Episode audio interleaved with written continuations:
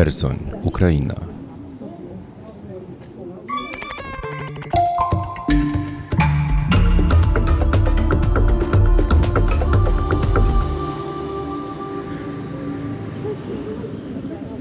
To jedno z największych miast zajętych przez Rosjan od początku wojny i jedno z najważniejszych taktycznie. Dużo się mówi o możliwej kontrofensywie ukraińskiej, której celem będzie jego odbicie oraz całego okręgu. Czy tak się stanie i kiedy, Zobaczymy. Natomiast Hersoń cały czas jest pod rosyjską okupacją. W ramach projektu Eyes on Ukraine możecie czytać relacje, które przygotowują dziennikarze na miejscu. Jedna z nich, Ilona, po ponad czterech miesiącach zdecydowała się wyjechać do Odessy. Mnie zwany Ilona, ja reporterka projektu Eyes on Ukraine. Jak wygląda życie pod okupacją? Jak udało jej się wyjechać? O tym porozmawiamy w dzisiejszym odcinku Outriders Podcast.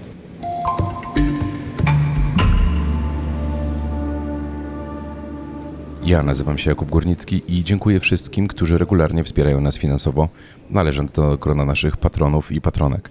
Dzisiejszy odcinek wyprodukowała Zuzanna Olejniczak, realizowała Ewa Dunal z Sounds and Stories, a rozmowę prowadził Piotr Andrusieczko. A nim przejdziemy do rozmowy, oto najnowsza relacja z Hersonia w ramach projektu Ice on Ukraine. Armia ukraińska kilkukrotnie uderzała w mosty w obwodzie hersońskim. W szczególności atakowała most Antonowski, przez który rosyjscy okupanci otrzymywali pomoc z Rosji. Most to także sposób na przedostanie się z obwodu hersońskiego na Krym. Teraz jest on zamknięty dla transportu. Hersońskie firmy odmówiły naprawy uszkodzonej konstrukcji, więc Rosjanie próbują sprowadzić specjalistów z Krymu. Uszkodzenie mostu Antonowskiego, choć nie od razu wpłynęło też na życie mieszkańców Hersonia. Nieznacznie wzrosły ceny, głównie warzyw i innych produktów spożywczych, spadła natomiast liczba osób sprzedających na targowiskach. Z powodu uszkodzonych przepraw nie każdy może teraz dostać się do miasta. Miejscowi są jednak w większości zadowoleni z kontrataków sił zbrojnych Ukrainy. Na przykład Pawło mówi, że jest gotów tolerować wszelkie podwyżki cen, jeśli sprawi to, że Hersoń będzie uwolniony jak najszybciej. Marina czeka na całkowite zniszczenie mostu, pewna, że powinien był zostać zburzony już pierwszego dnia wojny.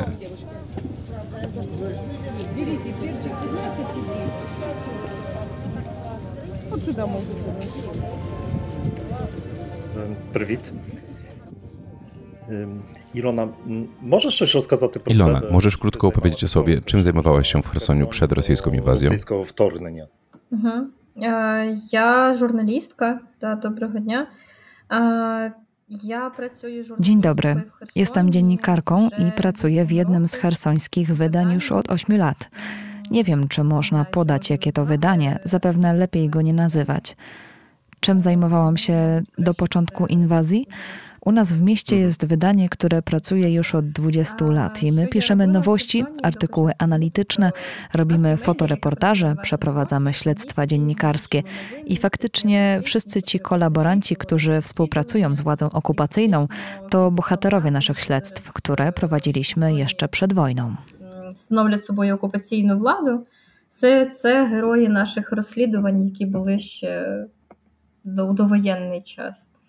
Я розумію, про колаборантів я ще тебе спитаю, а м, Długo pozostawałaś w okupowanym Hersoniu. ти довго Dlaczego nie залишилася? zdecydowałaś się wyjechać wcześniej? Чому ти вирішила виїхати тепер, а, ані раніше? Я пробула в, обко- в окупованому Херсоні три з половиною місяці. Вже минув Przebywałam w okupowanym Hersoniu 3,5 miesiąca. Minął już miesiąc, jak wyjechałam. Tam jeszcze pozostali moi koledzy, którzy też próbują się wydostać, ale teraz to nie jest takie proste. Dlaczego wyjechaliśmy? Na początku czerwca w Chersoniu zablokowano całkowicie ukraiński internet i łączność komórkową. I to oczywiście bardzo utrudniło naszą pracę, ale jeszcze jakiś czas temu korzystaliśmy z różnych VPN-ów, chociaż to oznaczało każdego dnia poszukiwanie nowego VPN-u, dlatego że blokowane są nie tylko ukraińskie strony, serwisy, komunikatory, ale również VPN-y. Tym samym nie było żadnych gwarancji bezpieczeństwa co do dalszej mojej pracy i tego, że mnie nie znajdą. не знайшли. А, також це була дуже значна фінансова складова, тому що Problemem były również kwestie finansowe. Na razie w Chersoniu nie pracują banki, czyli kartą ukraińskiego banku można zapłacić na przykład w supermarkecie, ale to już jest rosyjski supermarket. Ceny są bardzo wysokie. Zapłacić można, ale wypłacić gotówki już nie. A większość towarów w Chersoniu można kupić tylko za gotówkę.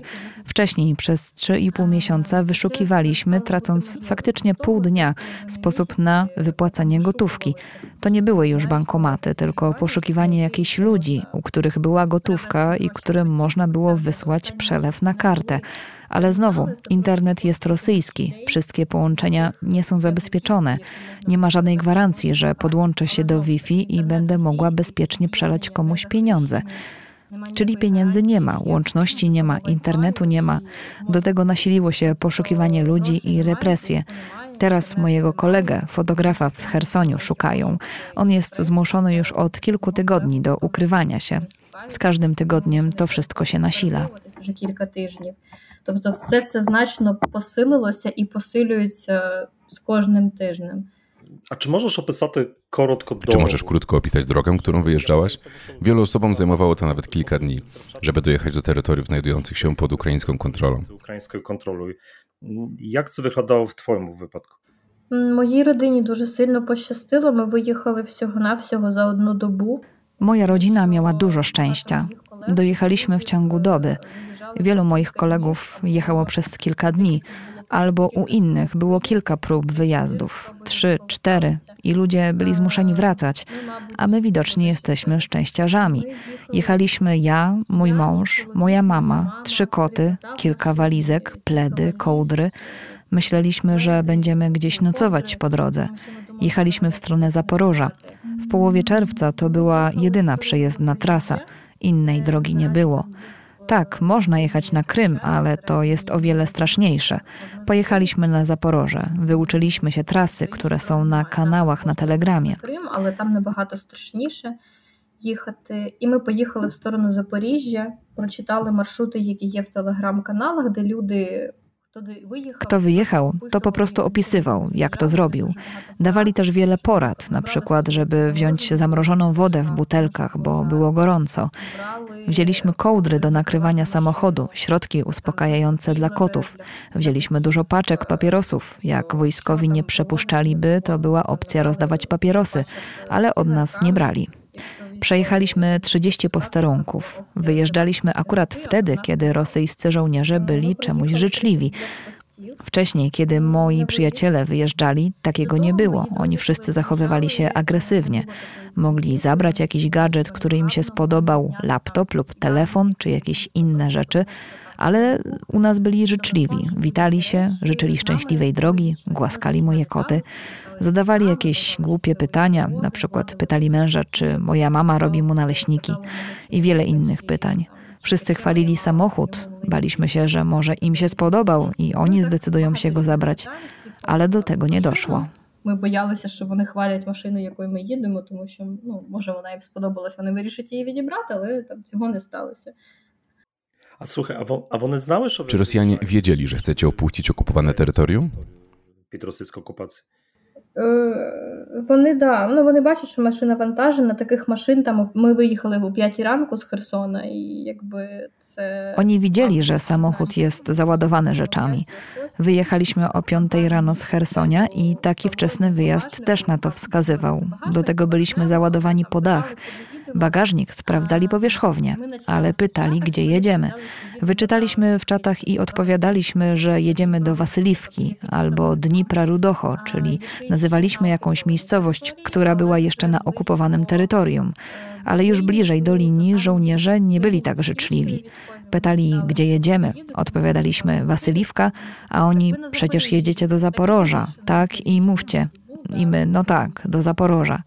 Na ostatnich posterunkach była już dokładniejsza kontrola. Wypytywali, dlaczego wyjeżdżamy, do kogo jedziemy, co będziemy tam robić, gdzie pracujemy w Chersoniu. Mąż pracował w służbie zdrowia. Mnie nie pytali, ale u mnie była inna historia.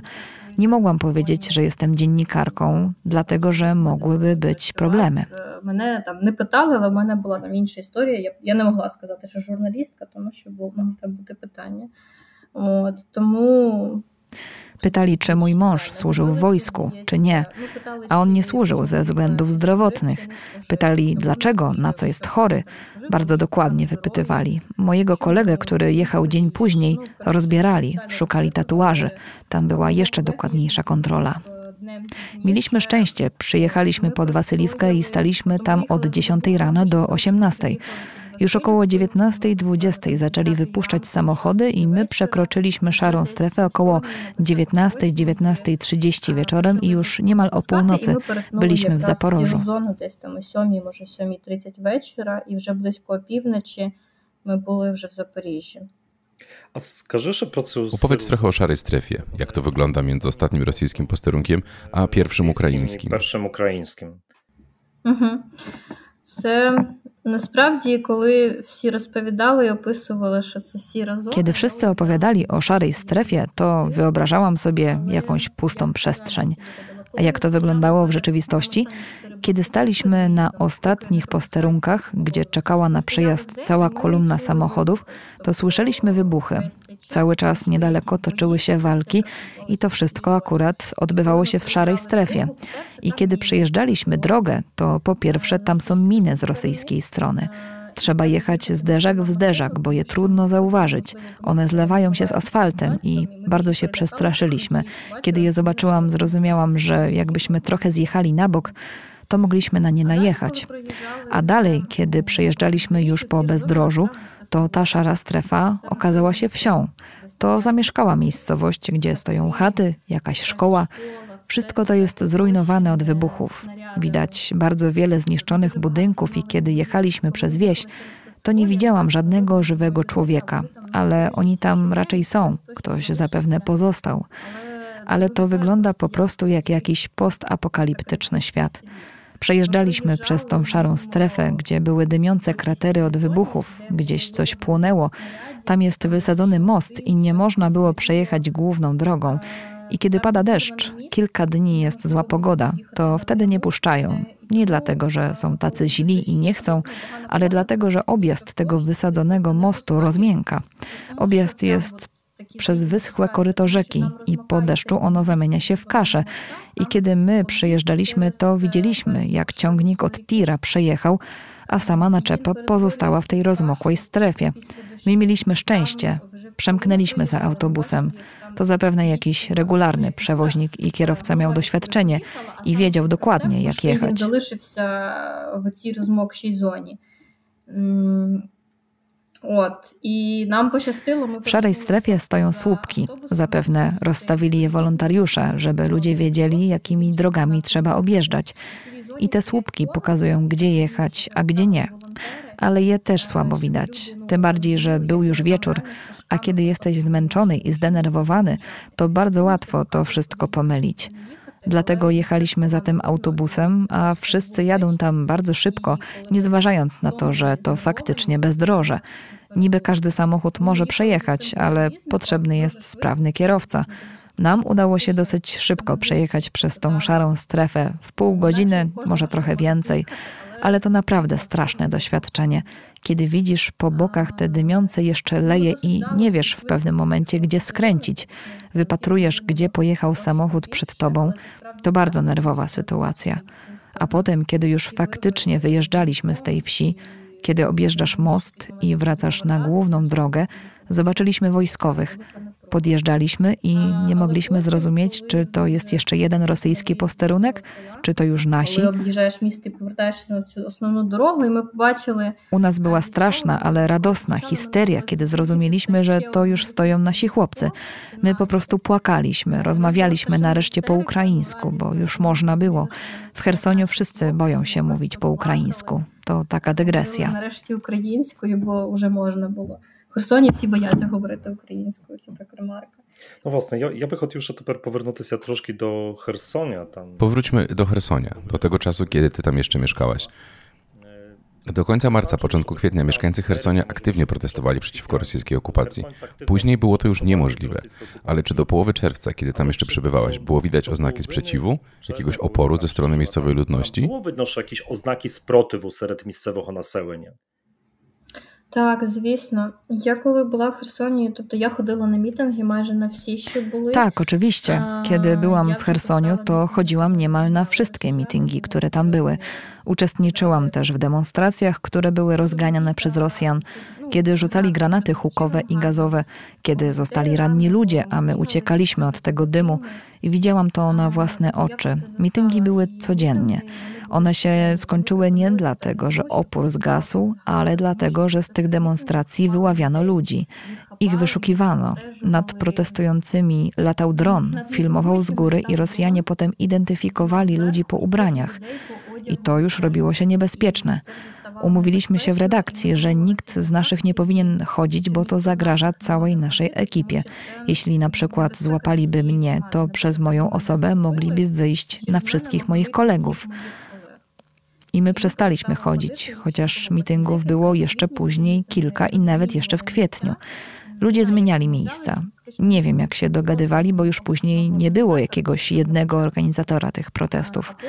Tacy byli tylko na początku, a potem ludzie spisywali się w sieciach społecznościowych. Tworzyli wydarzenie i po prostu zbierali się. I kiedy zmieniali miejsca akcji, to jeden raz to się udało.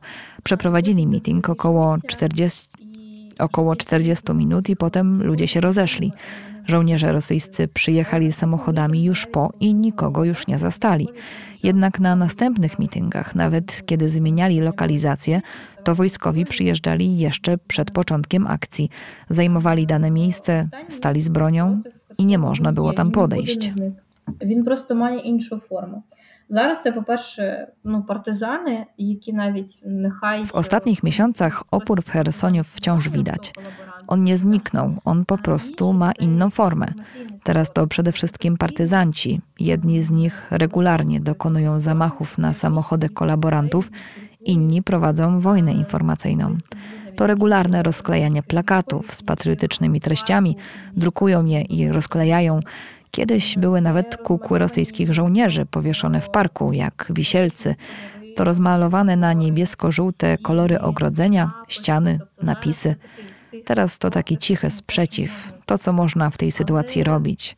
Ale opór jest i nikt się nie pogodził z rosyjską obecnością i na blokpostu zupyniają marszrutkę, tam oglądają.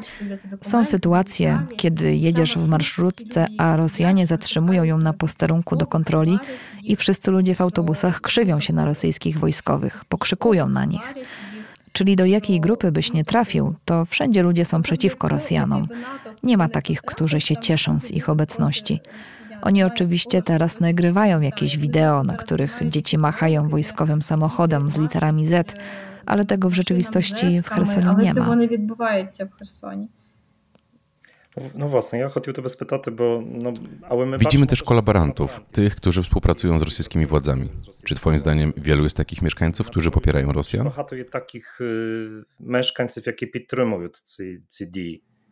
Е, ні, їх небагато, їх дуже мало. Просто зараз через nie, ich jest niewielu. Po prostu teraz to widać dlatego, że wielu ludzi wyjechało, a pozostali ci, którzy nie mogą wyjechać, albo którym do wojny było wszystko jedno, jaka będzie władza, jakim będzie świat, aby tylko nie strzelali. Oni nie wyjechali, pozostali. I może się tak wydawać, bo na tle patriotycznie nastawionych mieszkańców teraz wydaje się, że tych drugich jest więcej tylko dlatego, że rzeczywiście połowa mieszkańców obwodu wyjechała. Ci, u kogo jest taka możliwość, czy to finansowa, czy po prostu jest samochód. Ale kolaborantów jest niewielu. Teraz oczywiście ludzie są przestraszeni, dlatego że okupacja to przede wszystkim bardzo silny psychologiczny wstrząs. To bardzo silny psychologiczny nacisk.